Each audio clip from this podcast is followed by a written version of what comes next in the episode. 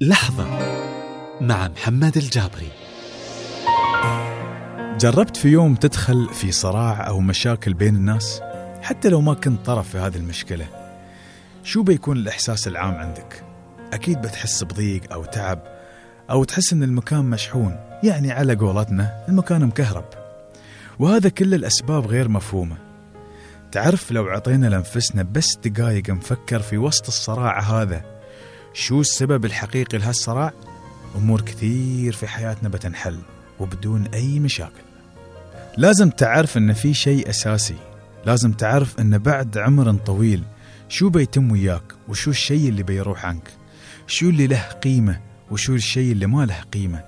لازم نكون متأكدين أن تحقيق السلام في معظم الصراعات أهم بكثير من الانتصار نفسه أو حتى بإثبات وجهة النظر الشخصية. لازم يكون عندك سلام داخلي لأن السلام الداخلي يغير نظرتك للدنيا. تشوفها أوسع بكثير من اللي أنت تتخيله. بتخلي فيها مساحة أكبر لناس أكثر وبيكون عندك تفهم أفضل ومشاعر أحسن. شو رأيكم نجرب نحب الناس اللي حولنا من غير شروط؟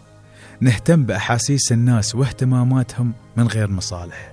نساعد أي شخص كان محتاج بدون أي مقابل أو نحترم كل الناس بغض النظر عن وضعهم أو حالاتهم أو نسامح بعضنا البعض من غير قيود أو تكبر أو تعالي ونبتسم في وجه بعض من غير أي مبررات. تذكر أن الابتسامة سبب للحب والراحة والإبداع.